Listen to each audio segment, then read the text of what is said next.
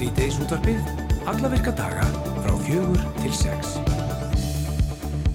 Það er Andri Freyr Viðarsson og Guðrundi Semilsdóttir sem ætla að stýra þættinum í dag til klukkan 6. Og það er eitt og annað sem við ætlum að fjallum. Uh, Jóti Skúladóttir, þinkona vinstri græna, hún er flutningsmaður að tillögu um að dónsmálaræðara skipi starfshópum ummönnun og geimslu líka. Mikilvægt sé að teki verði saman hver mörgur sé ábótavant er varðar ummönnun og geimslu úti á landi. Að hennarsögn siti ekki allir landsmenn við sama borð þegar að dauðin knýr að dyrum og við ætlum að ræða þessi mál við hann að jóti sig hér á eftir. Í gær fjöldum við um unga menn sem fá krabbamein. Í dag komið að ungu fólki sem var heilablóðfall. Sindri Már Fimboðsson, frangatastjóri og stopnandi tix.is og Ómar Smárásson fyrir um fjölmjörnaföttru KSI sem að einn hefur starfað á flestum sviðum sem snúa fókbalta, lendur báður í því að fá óvænt heilablóðfall á besta aldri. Í dag starfaði báður innan heila heill og komaði til okkur eftir til að segja okkur sína sögu og vekja aðtikla því að hver sem er getur orðið næstur því að um 600 manns fá heilablóðfall árlega á Íslandi. Til Íslensku tónlistavælununa, það er verða tilkynntar í dag í hörpu og við ætlum sér í þettinum að gefa boltan uh, þangan hýrtir þar sem að Kristján Freyr Haldursson, frangotastjóri Íslensku tónlistavælununa mun upplýsa okkur um það uh, hverjir hljóta tilnefningar í ár. Um þessa myndur eru 45 ár síðan að skemmtistæðurinn Hollywood opnaði og þetta er einn stærsti skemmtistæður Íslands sögunar og var hann tróð fullur flest kvöld og raðna fyrir utan ætti öllist heima í heimsmjöndubók Guinness. Ólaður Laufdal, stopnandi Hollywood, hann ætlar að fagna þessum tímamótum allan aprilmánuð á Grímsborgum og þar að verður búið upp á síningar í anda Hollywood áruna og einnig er Ólaður búin að sérpanta disco og dansgolf með ljósum í eins og var á gamla Hollywood og já, til að láta setja upp á Grímsborgum. Ætlum að heyra í Ólafi í dættinum. Og eins og alltaf á 50 dögum þá mætir allir Fannar Bjarkarsson til okkar og fer yfir nýjustu já, tíðindi eða hvað ég segja, nýjustu me, nýjasta memið á internetinu. Já, eða svona það sem sko, nýjustu stormana á samfélagsmiðlum sko, þetta, er, þetta snýst um það sko, stormana sko, það sem stormar. En stærsta kókainmál Íslandsögunar hefur verið tekið fyrir í hérastómi Reykjavíkur undanvannan daga og saksóknari krest þessa sakbortningar í málinu fái hámarks refsingur en verðindu þeirra til að slíkt vera ósangjant þessum að fjórmenningarnir séu aðeins lítil peð í stóri keðju. Til að segja okkur betur frá þessu já, er að mæturinga Freyr Gíja Gunnarsson, frettamæður sem eru fylst náið með þessu alls mann. Sælublesaður velkomin. Já, takk fyrir það.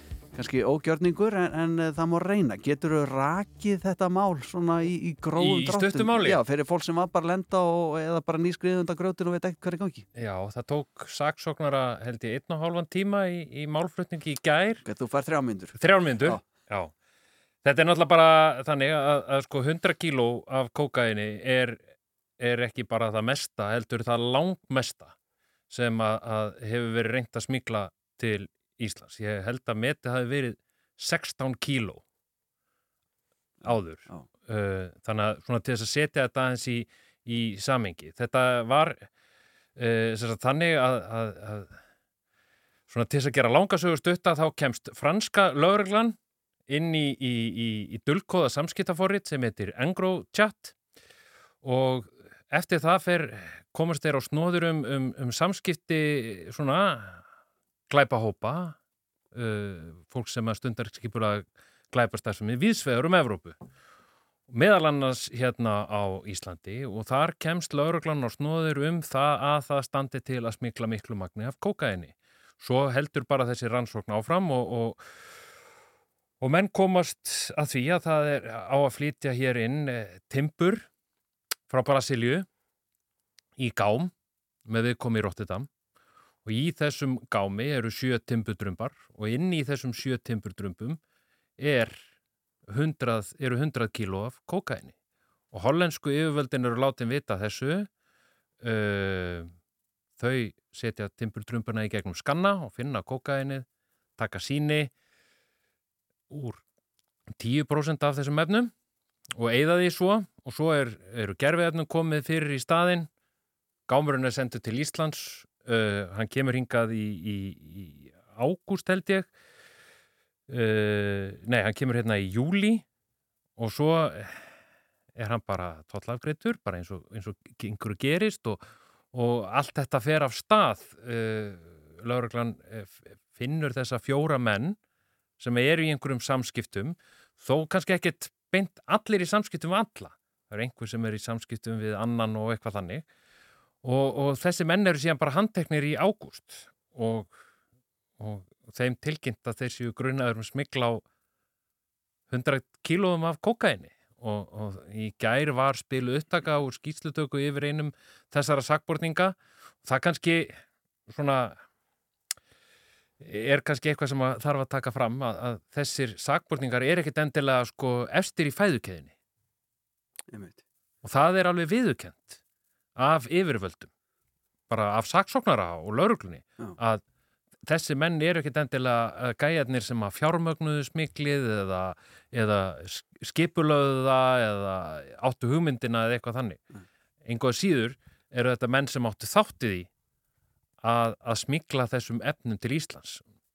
Og ég nefni þessa skýslutöku yfir þessum sakbortningi sem að spiluði í gær, sem að verjandinn hans spilaði í gær. Þar sem augnablikið þegar rannsóknar lauruglumadurinn tilkýrun honum að hann sé grunaður að, að það liggi fyrir niðurstaða um hversu mikið magn af kokain þetta sé. Og þetta séu 100 kíló. Og hann brestur næstuði í grát því hann hafði ekki hugmynd um að þetta væri svona mikið hann vissi að hann, hann væri að taka þátt í einhverju misjöfnu smikla fíknefnum en mögulega 50 kíló Já. En sko, saksóknar í málinu krefsamt hvað hámas refsingar uh, á, á þessu mönnum.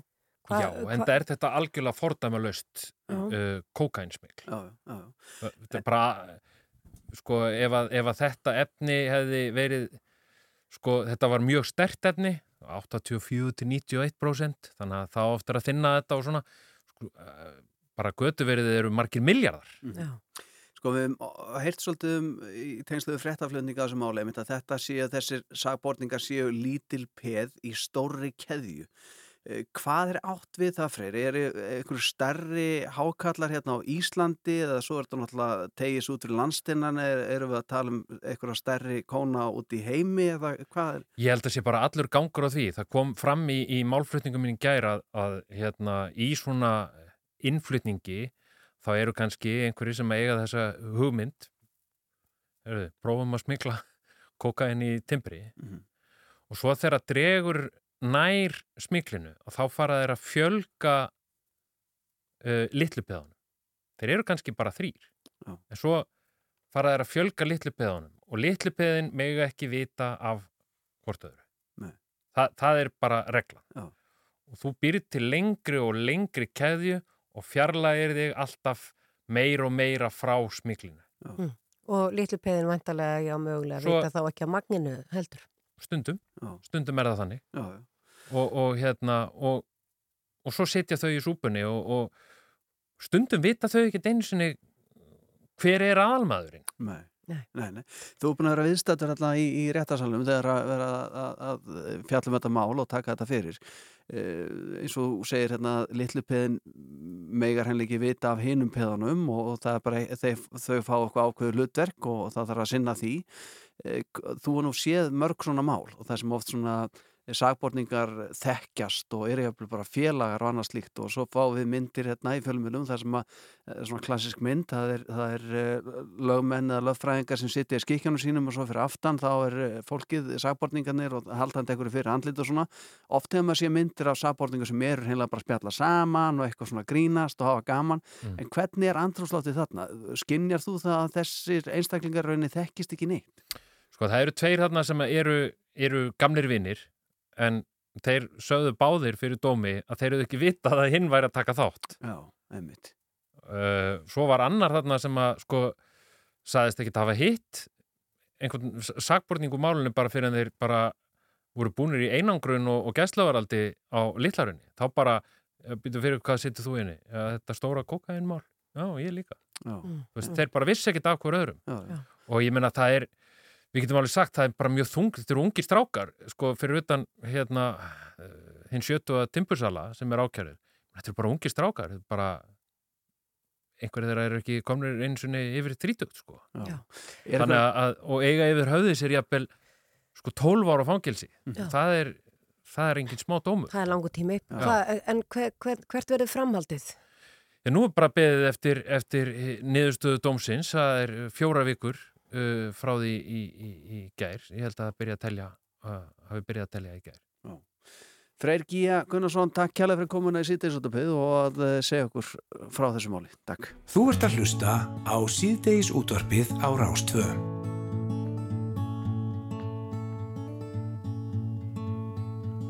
Þjætt mér við hlið sitjur heiða en við höfum ei meira að segja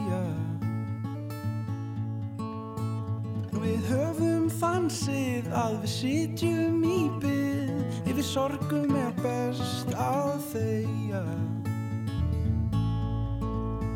Það var ekki neitt eitt sem að öllu fjekk breytt Ekkert sem hægt er að telja Þykir mér það víst leitt en allt sem ég get veitt er víst til að hana kvelja. Og nú falla trjánum blöð og þau föla mynda tröð sem ég feta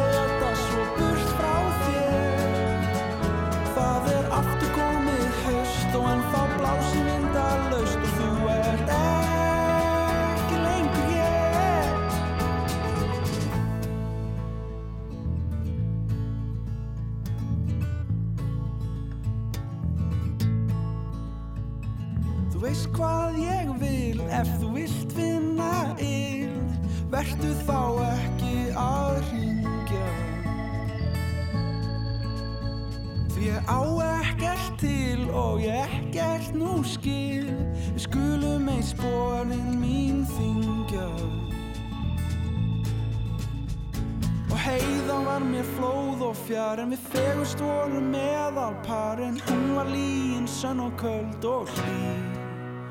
Já, hún var mér allt og engin orð eru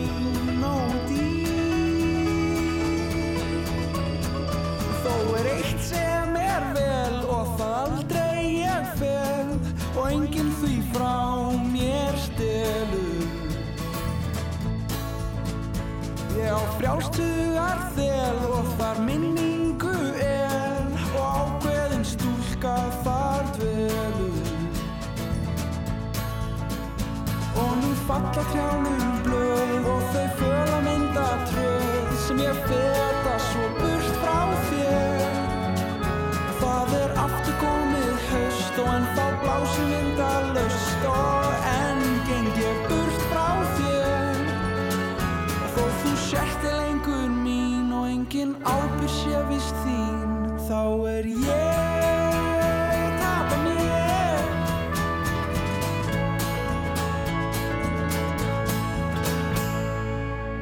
Þetta er Sprengjöðlinn og lag sem heitir Verum í sambandi.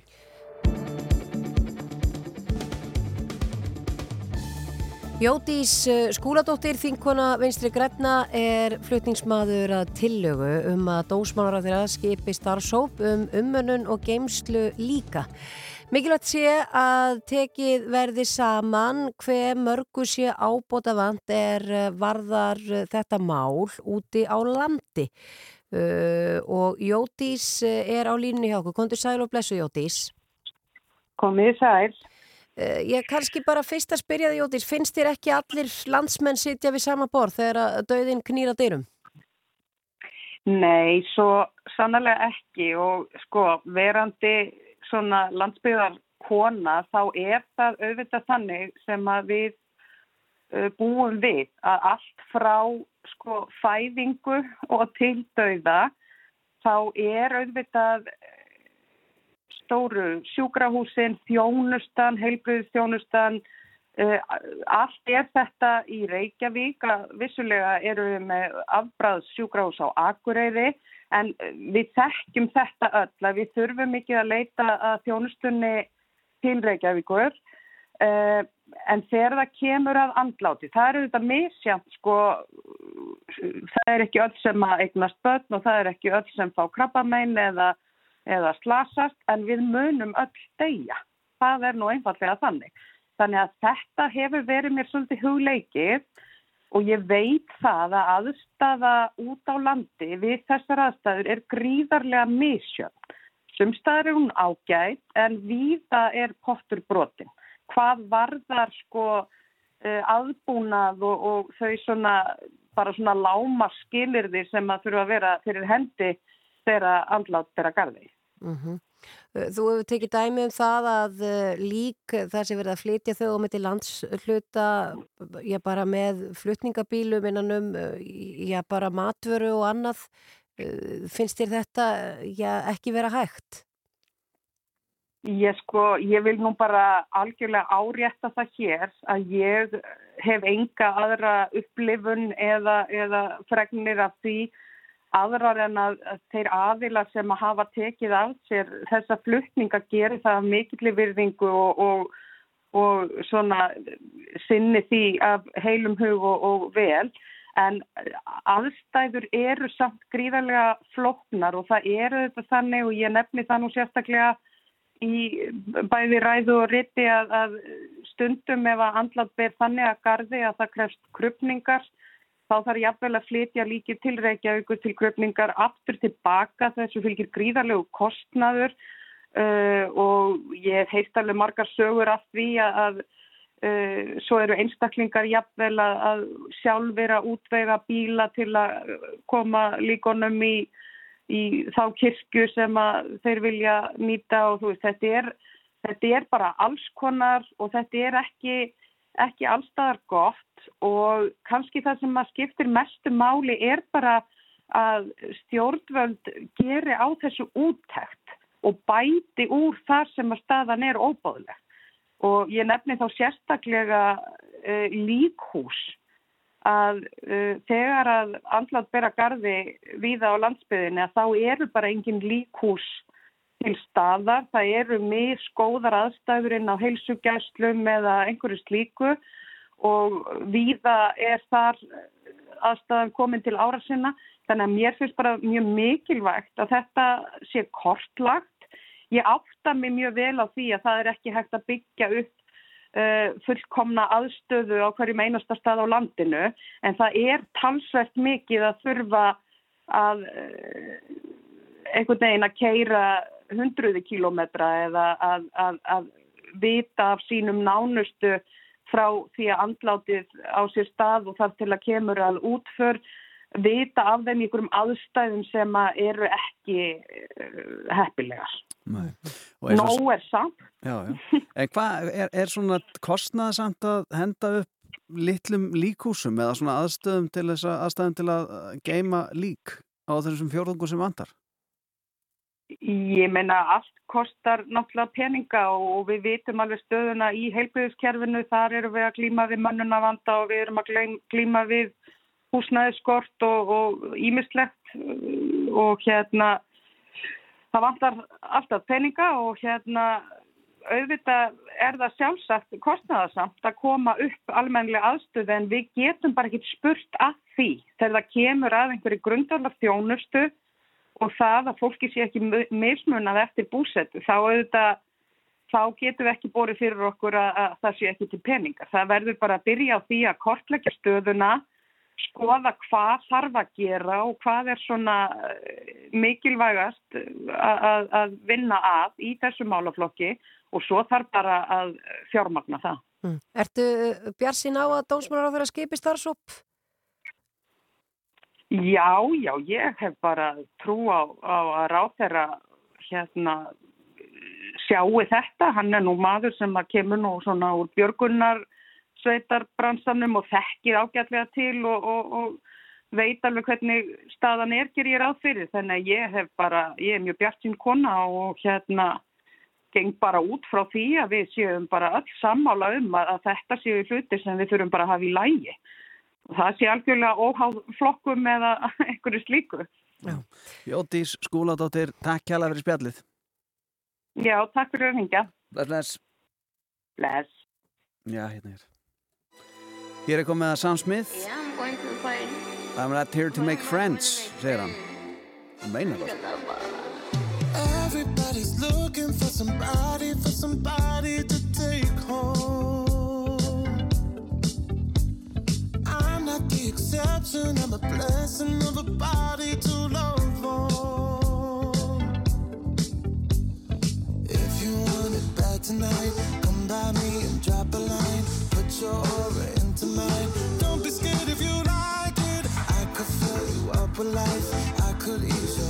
night.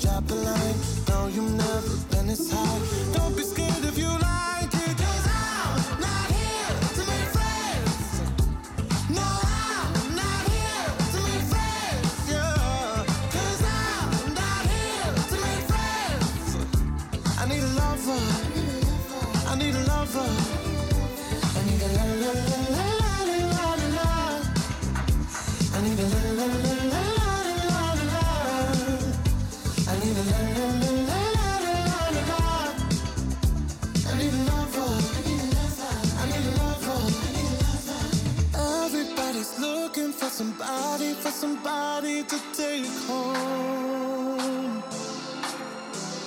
I'm not the exception, I'm a blessing of a body to love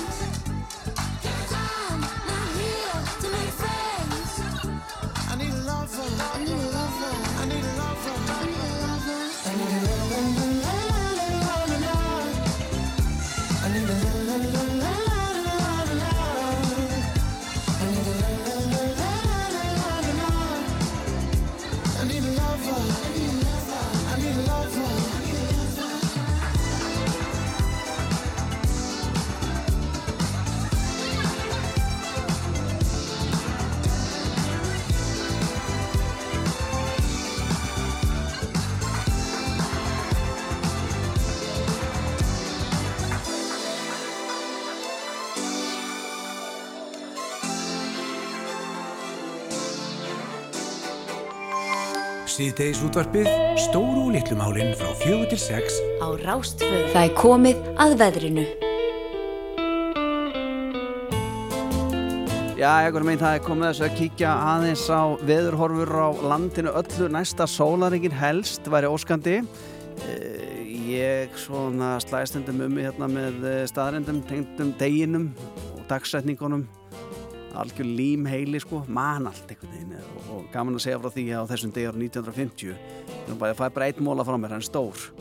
Þá er sko, já, einn svona besta hljómsveit Íslands sögunar, helt tónleika. Nú, 1950 á þessum degi og var eiginlega bara svona margir vilja meina það þetta sé bara já, svona stoppdagur sveitarinnar sko hver, hvaða sveit er Vil þetta? ekki gíska? 1950? 1950 Nei, Herrans að jú, látt ekki ég ætla ekki að gíska Varst svo þú ekki með spurninga þetta inn í sjónarbúinu Jú. sem útsvarið? Jú, ég er hvað? Frábær spyrill. Var ekki það að tala um tónlistar eða? Og hvað?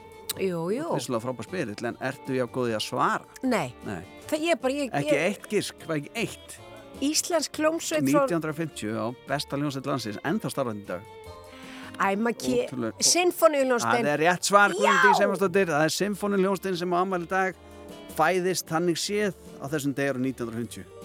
já, Voru með tónleika, geggjaða tónleika Östurbæði bíu. gast þetta svolítið upp þú segir starfa þenni í dag að bara svona, Já, samt, sko. já, já, samt. það er ekkert margar stopnaðar 1950 sem er enn starfandi. Ég notaði útlöku aðfyrirna þarna alveg. það er ekki kallakorar. Uh, það er ekki hljónsveit. Ó, Kallakór er ekki hljónsveit, myndur þú segja það? Það er kór. Það má fara rauk fyrir því, en, en allt í góðu Guðmundís uh, veðrið. Eh, Já. Hvernig viðrar nú í, bara við byrjum bara kvöldinu fyrir meðleimi Symfó sem að vilja eflust slett úr klöfunum ennana ferðina og ég vil grilla með því þetta skiti. Haldi upp á það. Já, Ég held að grilli fáir í kvöld, akkurju. að bara svona með mynd, vindkælingu og kulda, Já, þá, Loka, Það- loka grillinu, þá þarf maður, já, ekki bara það, maður þarf að vera ansi vel, uh, skjól. Já, maður þarf að vera í góðum vettlingum. Já, Ég- já, er já. gott að grill í já. Hefur þú prófað það? Uh, já, í svona grillvettlingum. Eru til grillvettlingar? Já, það eru til grillvettlingar sem eru svona svipaðir og hérna, sköfu hanskandir. sem hún situr að, þegar hún fer í Já. mannst ekki eins og við höfum alltaf, alltaf að fá okkur Jú, aldrei gert einhvern veginn, Nei. alltaf langað í Eh, það eru svona lúfur sem eru svona úr, úr, úr skinni Andri, við erum búin að tala um þessa sköfu vettlinga Já, núna ég í ætla að verða þessu fyrir næstu næsta 13 vetur. ár. já, fyrir næsta vetur þá ætla ég að láta verða þessu Já. þá verð ég komið með svona lúfu Hvernig væri nú að upplifa þessu. já, það er komið tíma Ekki bara láta sér tíma, já, já. En En það er svo mikill hiti af grillinu þú þátt að passaðu lúkurnar sko þú ferði yfir að snúa steikinni með þeirra kartamlunum með sveppunum í talningum eða lendur á milli eitthvað sko já, með gulrót sko lendur á milli guð hvað ég fara að hlaka, ég fær bara að fá vatn í munnin þegar að Já, hugsa um já, grills. já, já. Jæja, já, já, uh, hvernig mun viðra allavega hér í Reykjavík fyrir symfóníuljónstina ef þau ætla að gera sig glaðan dag og öll hittast í, ég það bara unnendur sveitarn í grilli. já, Ef allir ætla að halda upp á þetta, bara grilla í kvöld. fjölmargir aðdáðandur Henda pullum á grillið. Þá verður hér klukkan 6, tveggjast þegar frost er ekki hörpu skil er ekki hörpu skil sem verður á grilli hjá Simfó Ég veit harpan ekki. Humar, humar kannski frekar? har, har, har, harpan sko hörpu, Já, já. hörpu skil sko Jú, jú, þetta orðagrín. heimaðallur Simfó nú Uh, á strengi harpan uh, svo uh, verða hér 7 metrar á sekundu það er ekki neitt með þessum tveimur á frosti. ekki Í Bólungavík hins vegar, þar er fjórastega frost og 13 metrar á sekundu. Það er tölvöfinn kæling þar. það er smá Fjórastega frost á Akureyri og 5 metrar á sekundu, 8 metrar á sekundu á Egilstöðum og fjórastega frost og þar er, þar er snjókoma og á Kirkjubæði klöstri er fjórastega frost og 9 metrar á sekundu. Já. Og ef ég kíki núna bara, Andri minn, ef ég ætla að hætta að pæla bara í þessu sko og fara hérna aðeins í, í það er norðan 8-15 en 5-13 á morgun, jél á norður helmingi landsins sem bjarta mestu sunna til. Það er harnandi frost, Í- 6-13 stig á morgun já, og þegar ég lít hérna á það þá ætti eflaust að vera mjög fallegt veður Mhm. til dæmis hér uh, í höfuborginni því það er full sól. Og sjöstiga, já, hún full. Já. og sjöstiga frost en eins og til dæmis á Akureyri, þar verður snjókoma og áttastiga frost sem er kærkomið fyrir skíðaunendur á Norðurlandi. Þannig að það er náttúrulega bara flott. En það er svifrik, er ekki svifrik jú, jú, eh, nú þarf að loka öllum gluggum halda sér innan dyrra og hérna njóta Ég held að það sé allavega ráði frá því að vera eitthvað út að skokka akkurat núna. já, Það er ekkit gott þegar það er alltaf mikið svifrik. En svo sko. veldi ég því samt fyrir mér Hvað? þegar að ef maður heyrir að svifrik er svolítið seint. já, já, Það er búið að vera svifrik. Já, svo heyrir að það svifrik. eitur, já Já, og loka gluggarum. Ertu þá ekki bara einhvern veginn að loka svifrikið inni? Eða er betra að Já, jú, það er svo lítið magn. Annars bara heldur það áfram að leka inn skilur þetta er, þú veist, þú ert uh, siglandum á, á bát, það er lítið gat. Já, það komið smá vatnin alltaf bara ekki að loka gatinu því að komið smá vatnin hvað sem er. Já, þetta er mjög góð punktur. Takk fyrir það, kjalla. Við ætlum að spjalla við eh, Ólaf Laufdal sem er konungur skemmtistaðana á Íslandi. Hann opnaði fjölmarka staði, byrjaði sinn fyrir lá glömbar sem að segna brann og uh, opnaði til dæmis staðin Hollywood og uh, Hollywood er að fagna 40, er 45 ár síðan í þessum mánuði að Hollywood opnaði, hann er ekki verið starfandi síðan en það að vera með einhvers konar Hollywood hátíð og hann ætlar að segja okkur nána frá því Ólafur sko. þetta er, er konungurinn.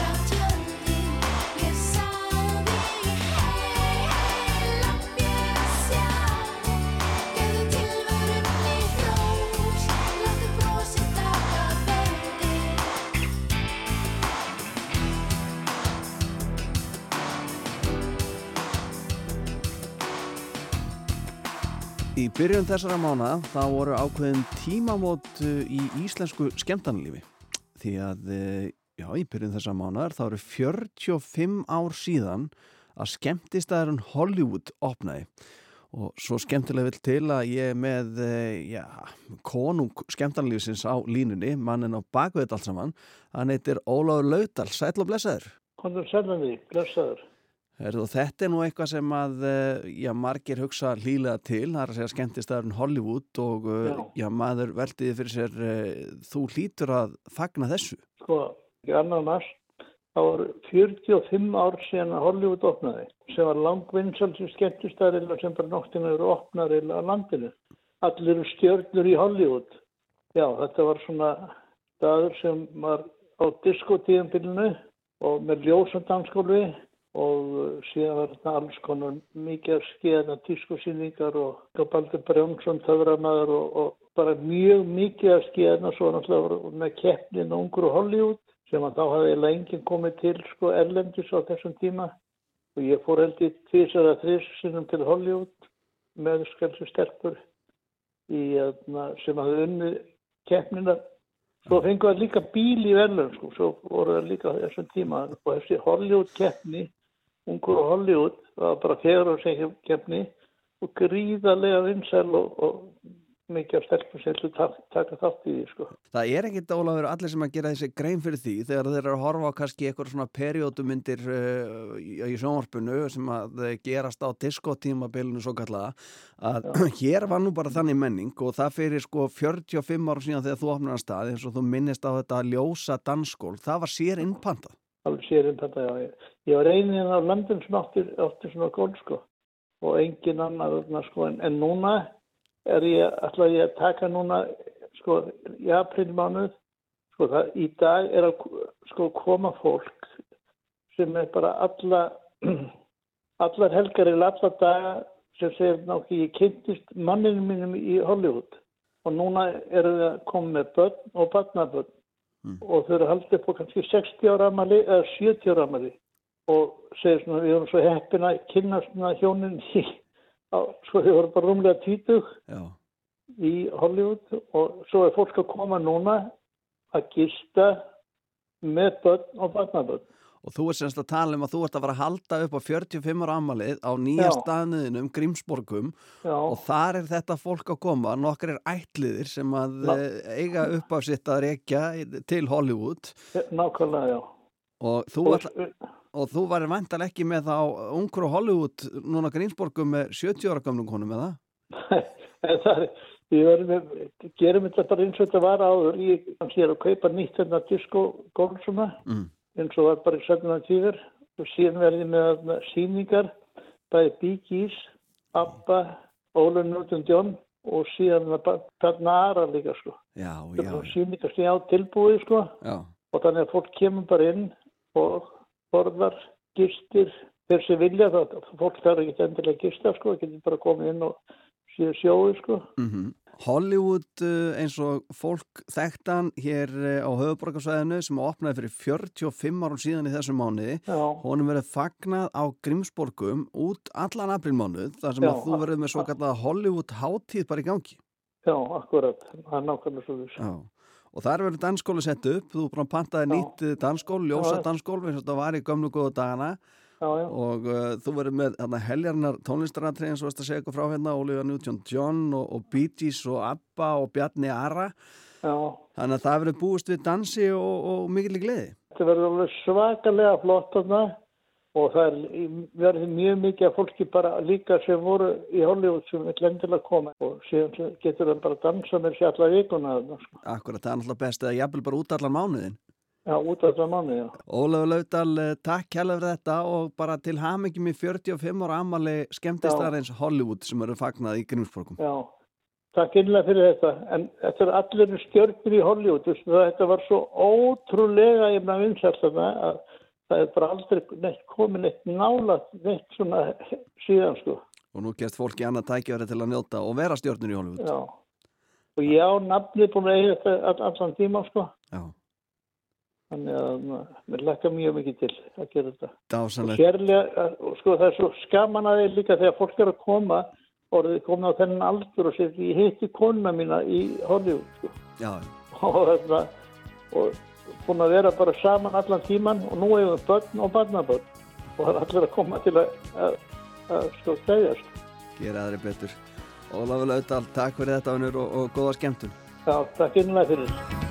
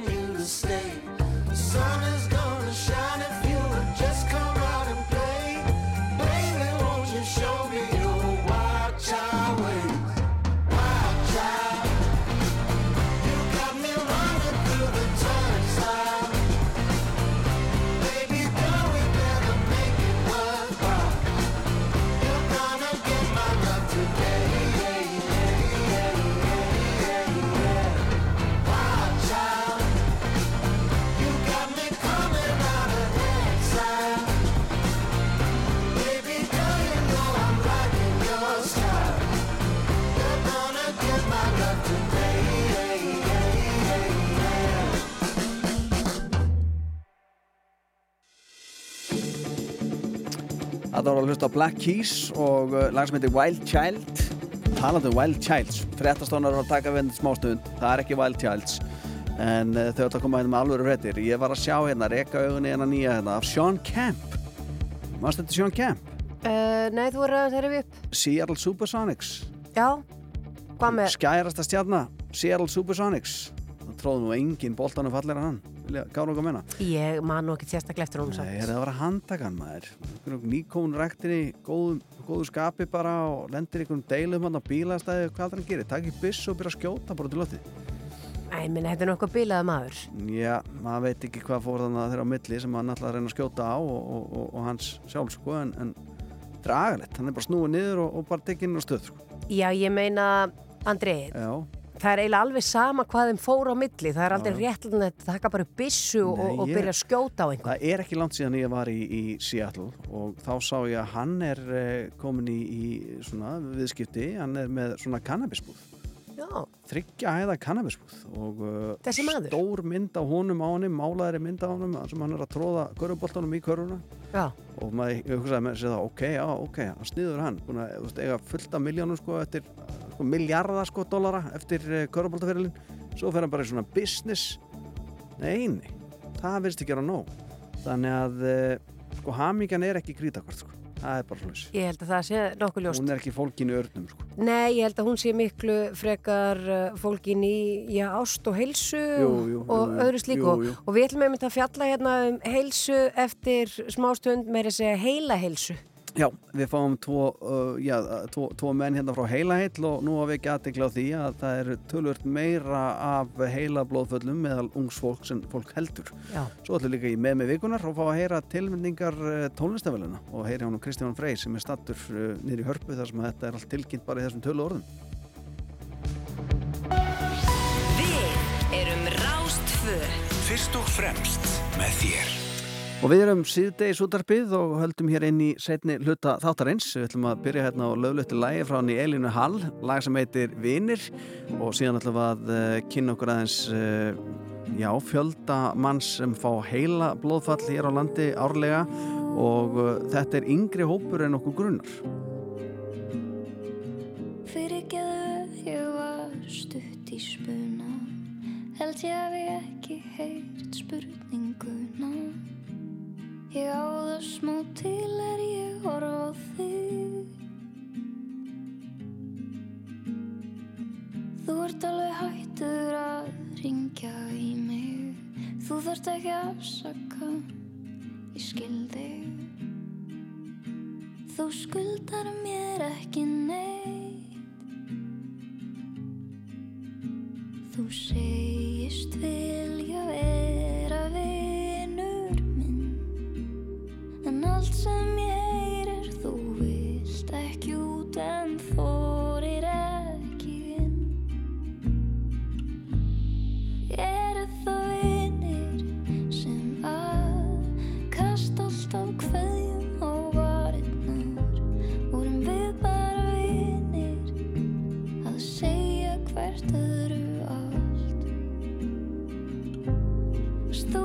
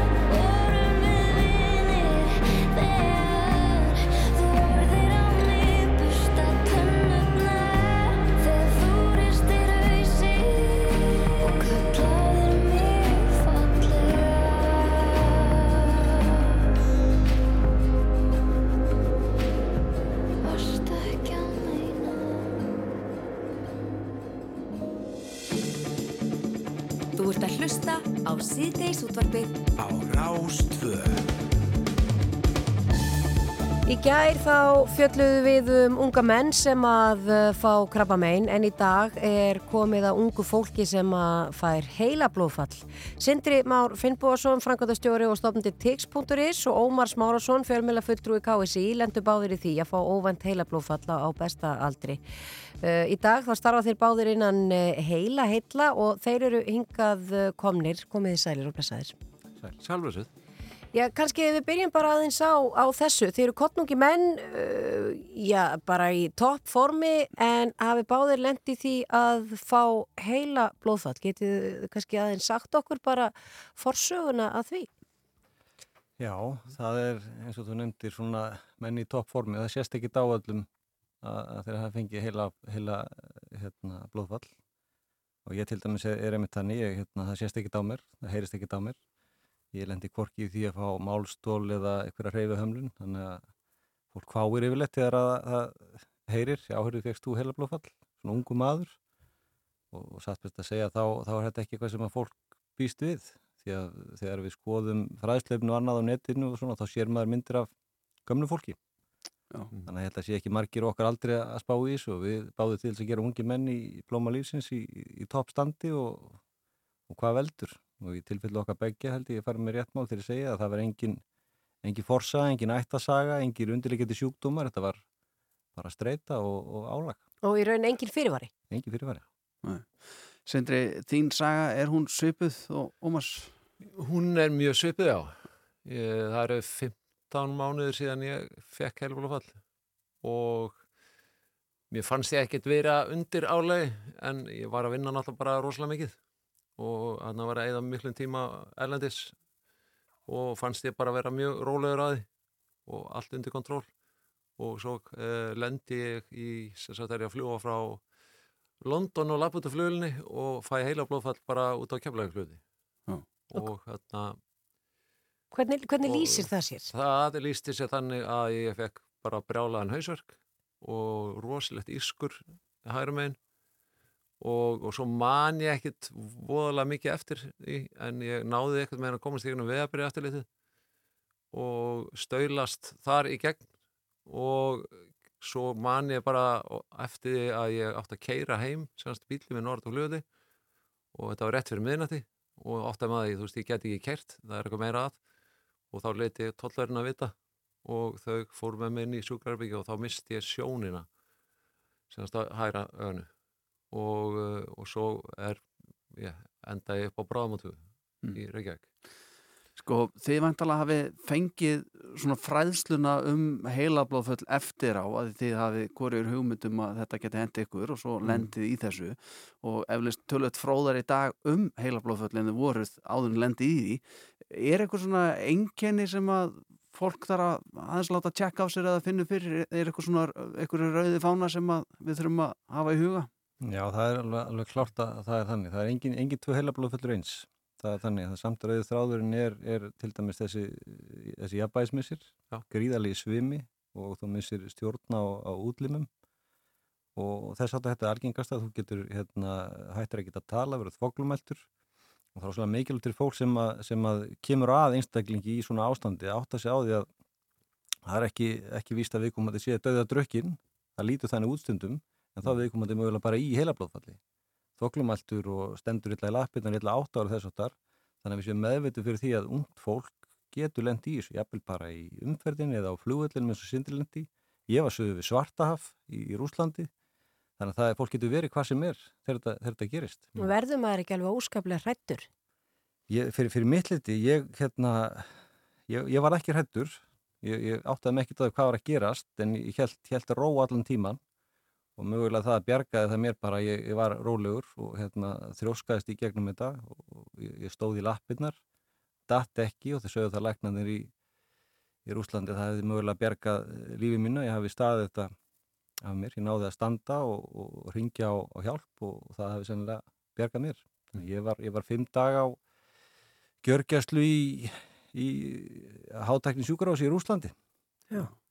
Sko, 600 manns á ári sem fá heilablóðfall hérna á Íslandi. Þetta er, þetta er rosalega stór tala. Þetta er bara bæjarfélag út á landi sem að fær heilablóðfall ári. Er, sko, er, er þessi tala, er hún alltaf að fara upp og er þetta mikið af fólki bara eins og ykkur? Þetta er, sko, áður fyrir var þetta meira eldra fólk en núna er þetta að byrja að vera mun meira yngra fólk, sko og það er alveg talið að, sko í kringum, sko hvað var sagt, í kring- kringum 15 til 20% af þessu fólki er undir 45 ára gamlu en áður fyrir var þetta meira gamalt fólk. Já. og e, þannig að við erum að tala um kannski 100 manns á, veist, 100 manns á ári á, á Íslandi e, sem er bara ungt fólk sem að fær heilubrófall og það veit í rauninni kannski ekki e- einkennin þekkir þau ekki af því að það skiptir náttúrulega sko fyrstu, sko það er svona fyrstu fjóri, fimm, sex klukkutímanir sem eru alveg mikilvægastu tímanir ef þú fært heilublóðfall þá þarfst að komast bara upp á spítala og þú þarfst að fá lif sem að þinn út blóðið til ef þú fært til dæmis blóðtapa til þess að laga og þá voru meiri líkur á skaðin verið minni sko. þannig að þú kemst í meðhöndun strax að, að þá nærðu árangrifin fyrr og þú kemst út á vinnumarkaðin fyrr en ef að þú færð heila blóðfall heimaður einn og finnst þú slappur og ákveður bara að leggja þig og sefur í 12 tíma að þá getur þú kannski ekkert vaknað aftur eða vaknað er bara lamaður öru megin sko, mm Mhm. að því það var ekkert gert Einmitt. Það er með þess vegna sem, að, sem sem- að við, við, við erum að veikja aðdekla því að það er svo, og svo ótrúlega mikilvægt að fólk þekki einkennin strax hraðin svo gríðarlega mikil, heilaskaðin á sér stað svo hratt og Já. alveg frá, frá bara fyrstu, fyrstu mínútum, Mm. fyrstu sekundum áfallsins að þá byrja að koma skemmtir Já. og því fyrr sem er gripið inn í því meir líkur að viðkomandi verið funkarandi einstaklingur og jafnvel bara að deyja ekki En, en, en ég velti fyrir mér, ok, þú veist, maður er mögulega undir 45 ára og fær eitthvað svona.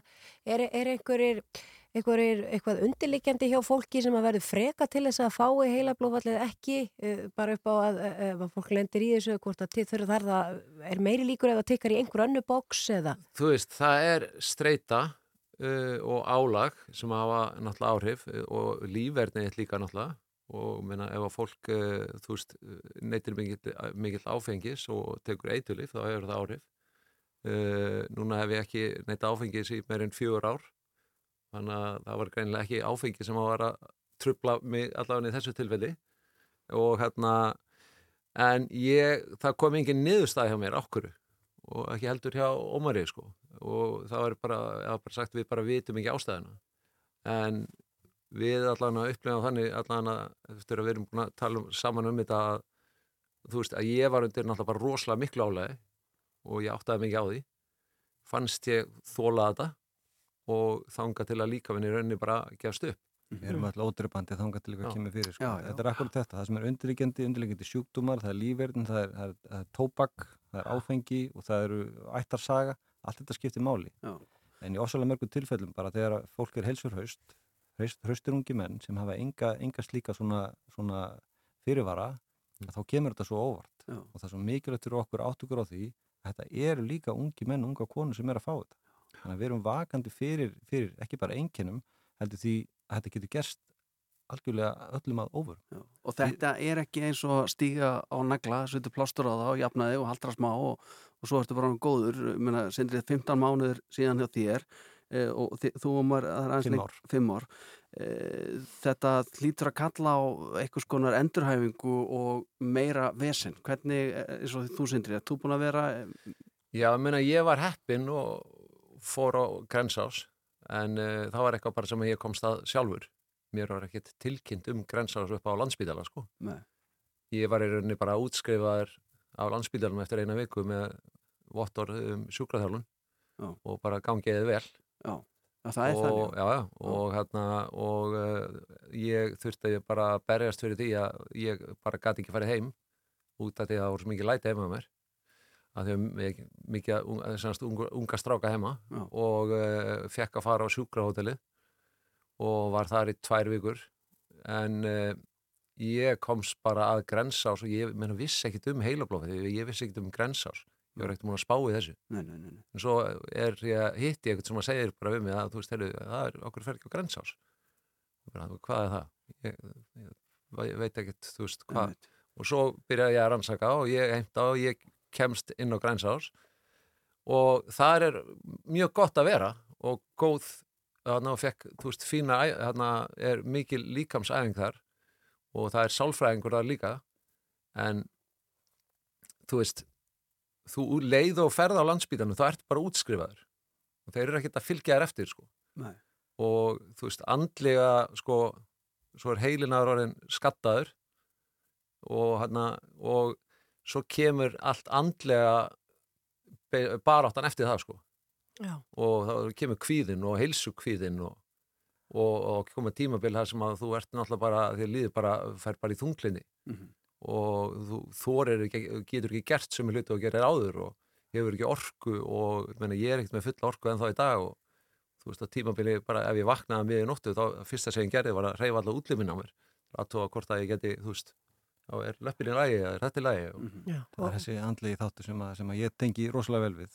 Ég ég er einn af þessum er hefnir, koma hefnir út úr þessu, því eins og sé það Mm. sést ekkit á mér, ekki treyft mig, ekki hlaupið og, og þess að en hver einasti dagur er, fyrir mig er áskorun, hvert einasta verkefni er áskorun og það er þessi andlegi þáttu sem að ég var alls ekki undirbúin undir. Já.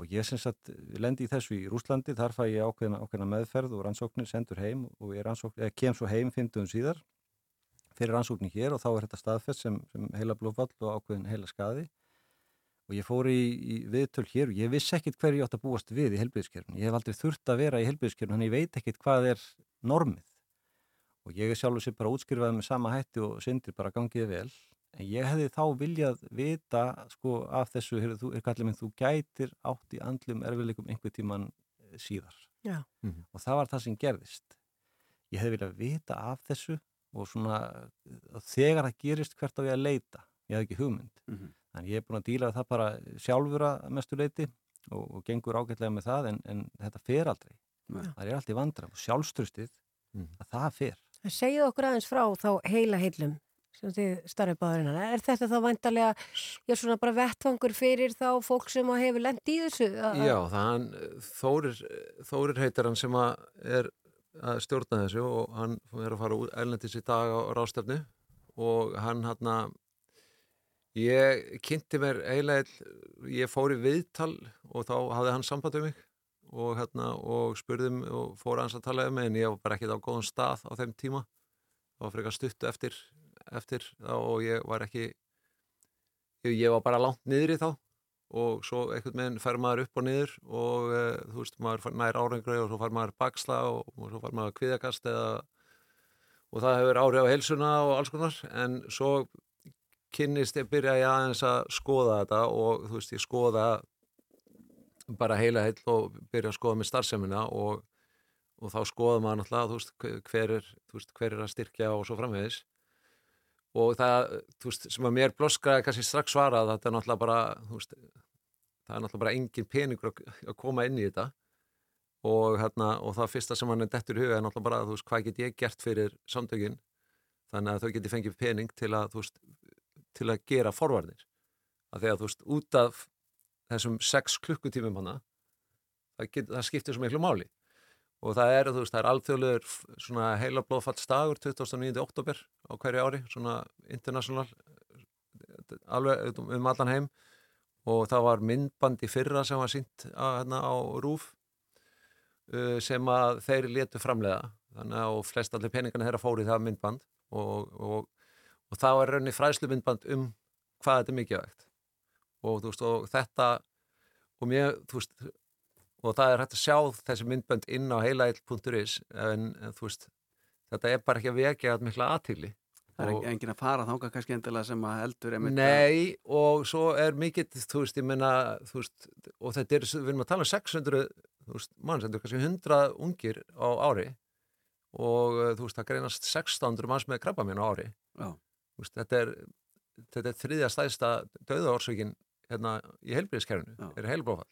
Þannig að peningaleysi, að því að þetta er ekki styrta af ríkinu og auðvitslega, er kannski ástæðan fyrir því að fólk eins og við öll sem hér sittum höfum ekki hugmynd um þetta fyrir að Alveg, þið alveg. lendið í þessu.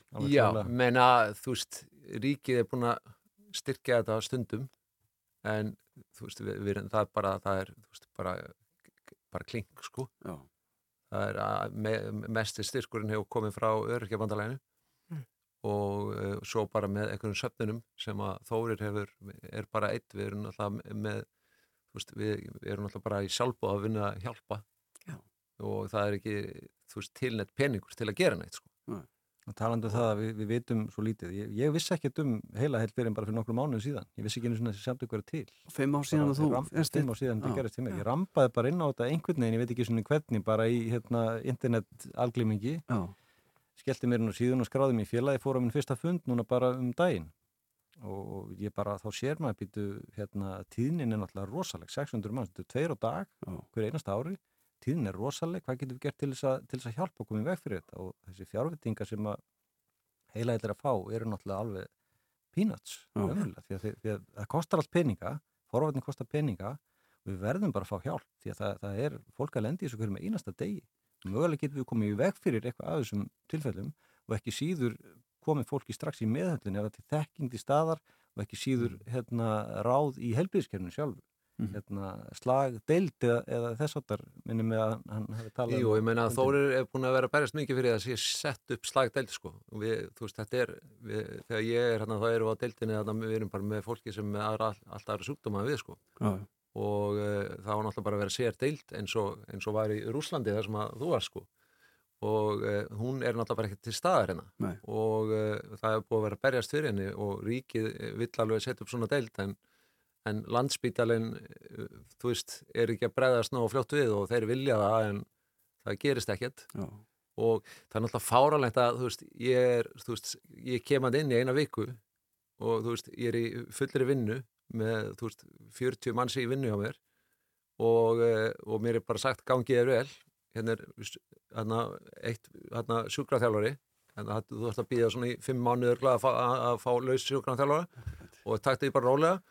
Og svo fæ ég laun í vinnunni í tvo mánuði og svo fer ég bara sjúkratapinninga því ég get ekki unnið. Þannig að þú veist og þú veist, og ríkið styrti, styrti félagi sko, síðastlegin tvö ára eru búin að styrkja styrkja með 1,8 miljón Já, þannig að það er allra hagur að, að Já, það veri einhvern og- veginn haldið betur um, utan um þessi mál.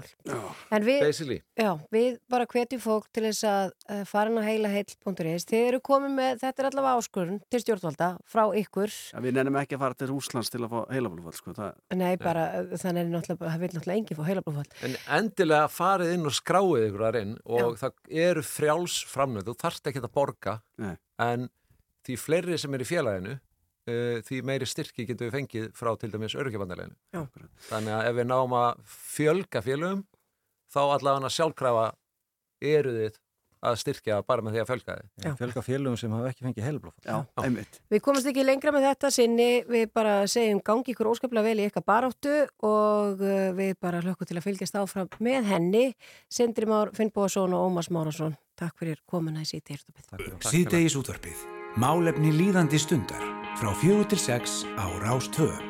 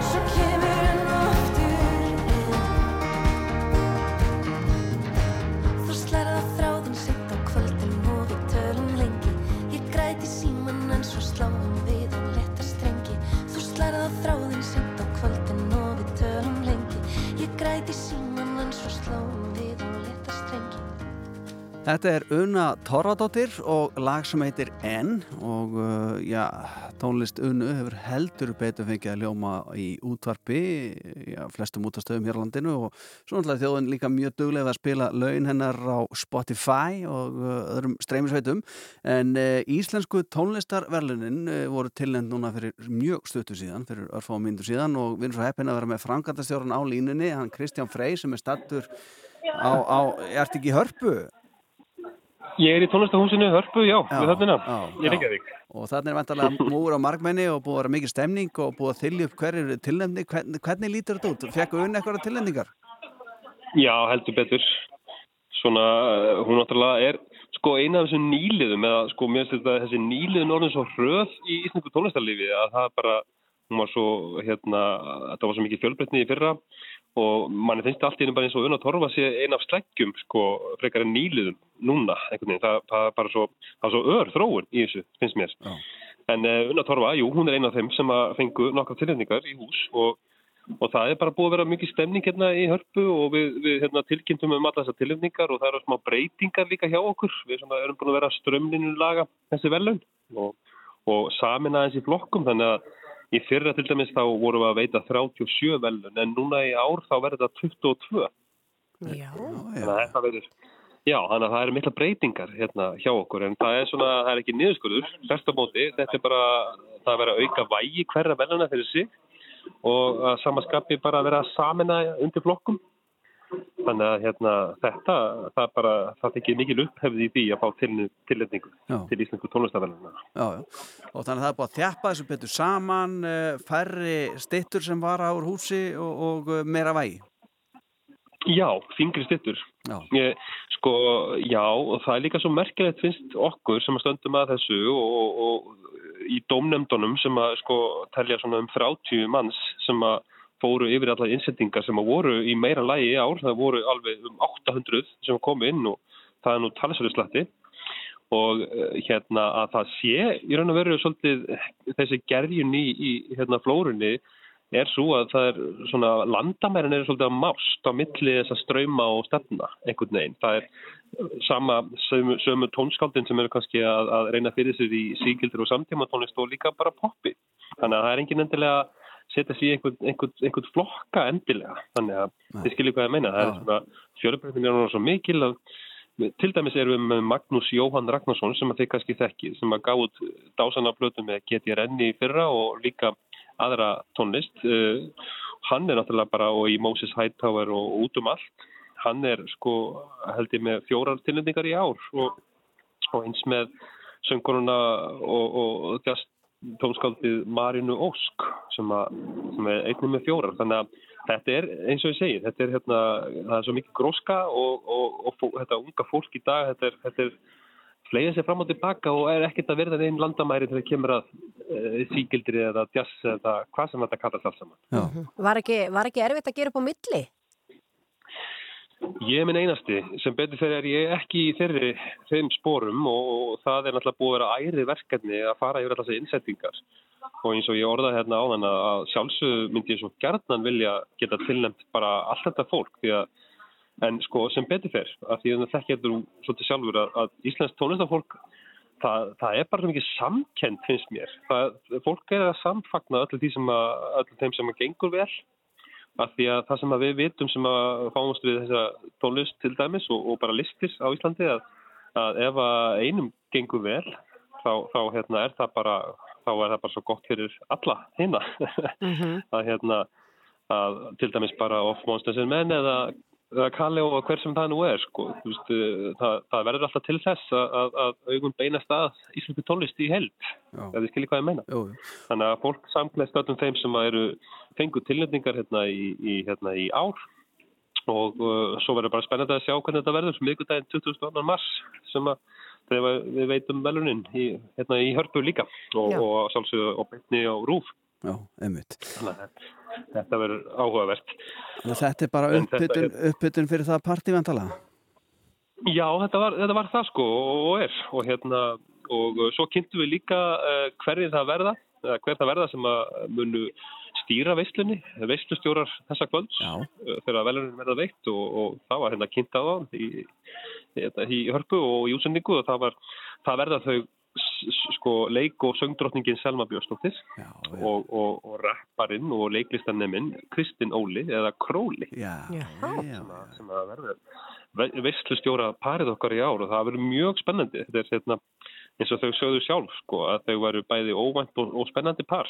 Já, Já. vissulega. hérna, kemur, út úr því já, að- ég er ekki að para þau saman hérna við erum bara að vinna saman Nei, nei, þetta er Já, já. sannkalla ofið par hérna og það er að kemur að kynningum Já, á tónlistavelunum og þetta segja það. heldur betur, Já, já. heldur betur Kristján Freyr, hljóðstinn Vök, hún á tilnefningu þarna líka, ef mér skjállast ekki og, uh, já, og Jú.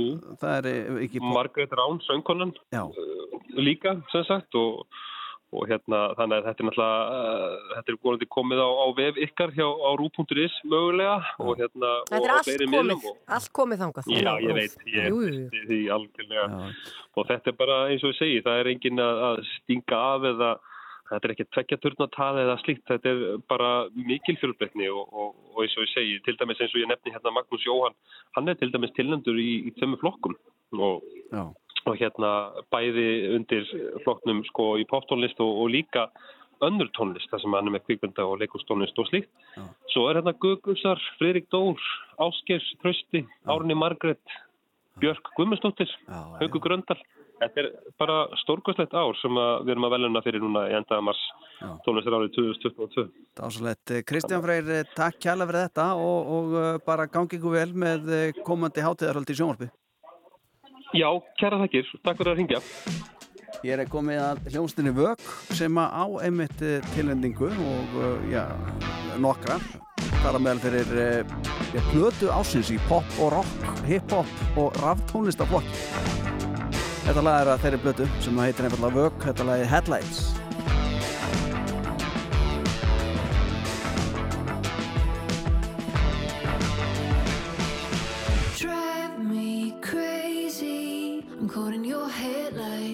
My heart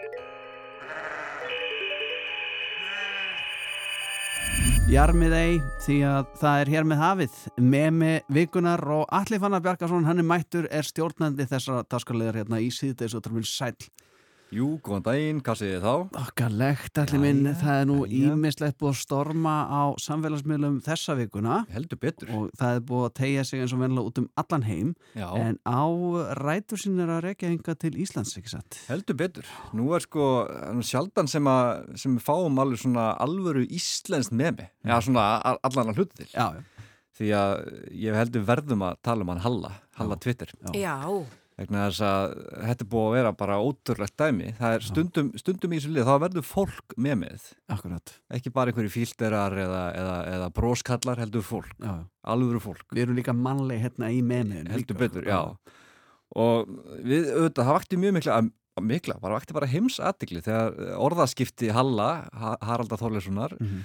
og Elon Musk, ríkasta manns heims einn af þeim, núna í vikunni og ég ætla nú að fara yfir ímsar sko, ímestett sem þetta hefur haft í förmessir, við erum alveg búin að heyra um þetta. Við, við, þarna, þetta byrjar auðvitað bara þetta byrjar auðvitað bara kannski árið 2021 þegar Twitter kaupir félagið að hönnuna fyrir þetta ekki Haraldar Halla. Og þá var engin Elon Musk komin til sögunar, þannig að hann bara selur Twitter fyrirtæki sitt Vondi kallin ekki komin, sko. Já, já, fyrir að vinna og þetta frækt hvernig hann tekur út ha- sö- söluna í gegnum laun á Íslandi til að borga uh, þarna, skattinir heima, verður skattakongur hérna heima og maður ársins og Þjóðhetja, þjóðhetja já, já. manneski Já, já, já, já. einmitt, einmitt Já, já. Herru, svo í fyrra, oktober í fyrra, þá kaupir Elon Musk Twitter Já. og fer að breyta hans til, fer að hreinsa til það eru hópuppskanir, nokkrar Já.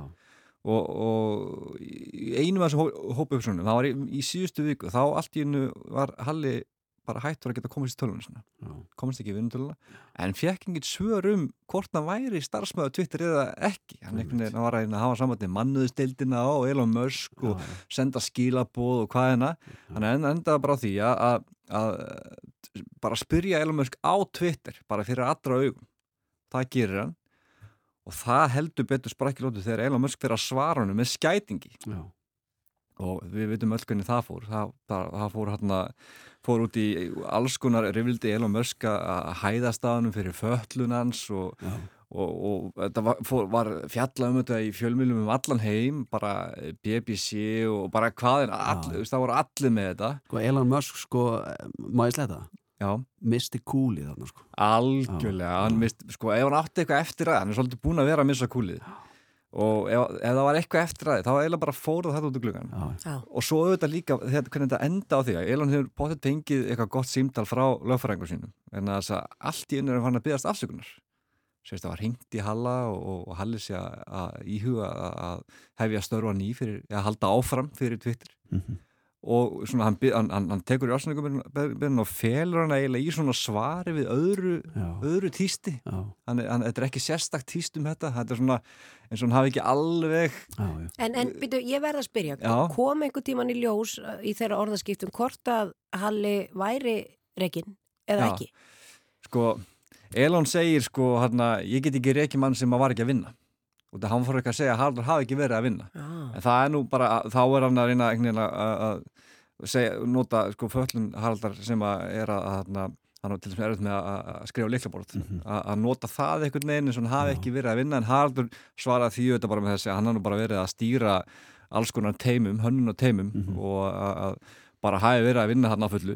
Og Elon Musk verið svona ekki bara að vita bara hvað var að koma sér út í. En þess að svo er annar mál að að Twitter kaupir auðvitað félagið af, af, af Halla á, á, á miljarda og á eftir að borga hluta verðinu þannig að það er komið bara ljósa ef hann ætlar að láta svona þá þurfa hann bara að punga út restinni bara í einhverju eingriðslu eða eitthvað svo leiðis Já, já. þannig að hann var einhvern veginn, það var einhver eitthvað var til þess að hann var mjög fljótur að- að byggast afsökunar og ég, þetta hlýtur að hafa verið þetta gott lykt- samtal frá lögfræðingi Það lyktar þannig, sko, Já. það lyktar þannig. En sko, gerir Elon Musk grein fyrir því að uh, þarna var hann í rauninni sko í orðarskæki við mannesku ássins á Íslandi og, og uh, ég og Gunna og, og, og Rafnildur uh, fengu þann heiður að afhenda honum blóm og Einmitt, skjöld einmitt. og viðkenningu og, og kampa einslu sko. Uh, ég hjó eftir því að Haraldur myndist ekkert á það þegar hann var að fara yfir Nei. hvernig hann hefði það og, og, og hérna og ímislegt, hann skrifaði langan pistil til Elon bara, því að Já, já. bara hvernig hann hefur það og hvað er búið að drífa hans stað, það var hverki minnst á það. E, það þetta fór á flug og það voru sko hundruð þúsunda manna ef ekki miljónir sem sáu þessi tvíst og fylgdust Já, með. E, allir þú ert með tölfræði yfir það. Ertu með eitthvað tölfræði yfir það hvernig þetta hefur farið hefðan minnst á að það, hann væri person of the year? Sko ég verð að segja, að í, í, í svolítið saman, þá, þá, þá sá ég hverki minnst á ykkur Nei. og ég sá enga mynd af ykkur afhendunar kampavinni eða neitt, mér varst það leðilegt voru flottar myndir. Já, Enda sko, nú er Halli nú það, og, já, hann er nú það hófsamur og, og, og, og svona hann í- færi aldrei að gorta sig af því að hann væri manneski ársins. Ég held að segja að hann er nú svo flinkur á, á, á netinu svona að þetta voru öll verið að fara bara inn og, og frétta tíman af frá þessum degi því að þar eru við líka með Haraldi. Já, og auðvitað að taka skjávídeó að því. Einmitt, en sko, en, en það var samt, voru aðra að benda á það og ekki bara einhverju Íslendingar. ársins? Já, það var, það var sko að vera að benda það. Það væri nú, eitt sá ég benda hann. Hann væri nú person of the year in Finland Finnland? Já, það var einn sem benda á það? Já, og það var alveg verið að sko, fólk verið að ruggla ekki hvað það Íslandi er. Nei, já. Þannig að það var verið að tala um Finnland til dæmis Hvaða hér vitli sem gæra á þessum þannig Twitter að að, sko, Andri Freyr hefði verið eitthvað Mika Reyr hérna í Finnlandi sko, já. Er sýtið svo þetta í Finnlandi? Já, það er góð spurning Já, Já. Eh, við erum ekki að ræða hér en, en sko tölunar allir, Hva, hvað eru margir sem sjá þegar Haraldur fyrir út í þetta og uh, já, hefur aðtegli þetta áttur að ég veit það, en, en hvað hva, hva erum við að tala um? Sko, við erum að tala um að sko, fyrsta tístið, það sem hann, það sem hann ávarpar Elon Musk, Mhm. það er búið að sjá, skoða það tíst rúmlega 37 miljón sinnum. Vá! Já. Og tístið sem Musk segir Halla ekki hafa unni neitt og hann hafi bara, hann segir, hann hafi bara sagst, claimed, sagst vera fallaður. Að, að svona, tístið sem að svona komur svo svolítið sem að svona fólk svona, sem að náðu einhvern veginn að strúka fólki öfugt. Skítkast. Já, það hefur verið skoðað 75 miljón sinni og en, en aðtöðu samt að afsökunarbeginni Musk sem hann svona faldi í svari það er bara búið að skoða það 7 7,5 miljón sinni. Já, já. hann, hann náði svolítið að fela það. Einmitt. en auðvitað voru fréttir um það annað. En svo er annað líka, Halli var sko núna í byrjun vikunar með um, svona rúmlega 60.000 fylgjendur á Twitter, hann er nú alveg búin að vera duglur þar og er alveg svona, hann, hann sem að segja hefur vakið mikla aðtegli Hann er virkur líka bara þar. virkur, jú, en í dag eru hérna, á þriðudaginn þá voru fylgjendunum konur upp í 164.000 Já. og fjölguðum rúmlega 100.000 Já. og í dag stendur þetta í rúmlega 235.000 Þetta er eitthvað smá tölur hann er búin að markvalda já. og hann Þannig að þetta er svona Hann fer að ná íbúafjölda Íslands. Já, alltaf, alltaf, það verður ekki bara komið núna í lokdags og hann að Mhm. En þetta sýnir okkur kraft memesins heldur betur hann, hann er heldur betur búin að storma um netum Já. og, og það er magnað líka að sjá fréttinnar út um allt það er bara, það er líka mikið gert úr þar að sé person of the year mm -hmm. því að það er verið að, sko, að, að að Elon hafi ráðist á sko, mannesku ásins á Íslandi þykir fréttnand Akkurat, hugsið ykkur, maður má nú láta sér dreyma en hefða komið einhvers það fram með þér að, að yeah, Elon eitthvað no matter what your friends at C-Daddy Já, já. think Andrew Hey. Freyr Gunnardis and Hrafnhildur You think you can just uh, drink champagne with Gunnar D's, Andrew Fair and Happy? Eitthvað, What do you think Happy's gonna Vá. say now? Vá, það er storminum, fárviðrinu sem er þá á, á samfélagsmiðlum. En ég held að sé nokkuð ljóst að við öll íslenska þjóðin, við erum uh, í liði með Halla. Hashtag Já, Team Halli já, Já, Team og, Halli, sko. og hann svona hóvar og indislegur. Og, Millimerki. Team Halli Það verður fórhundilega að sjá líka bara hvernig þetta endar það er svona, hann er lítið tjási um þetta núna Já. en þess að það eru þetta það sem hangir á spýtunni eru þetta þessi, þessi, þessi Þessi- samningur Þessi greiðsla. Já, Já, já, og, og, og það er spurning, mun hann halda áfram að vinna fyrir Twitter eða hættir hann, eða, þú veist, hann, er- hann er komið með eitthvað fóður eða vilja hann fara í einhver svona lögsókn eða eitthvað, þá er hann með nóg þangað heldur betur. Já. Allir fann að Bjarkarsson, takk kjærlega fyrir þetta. Takk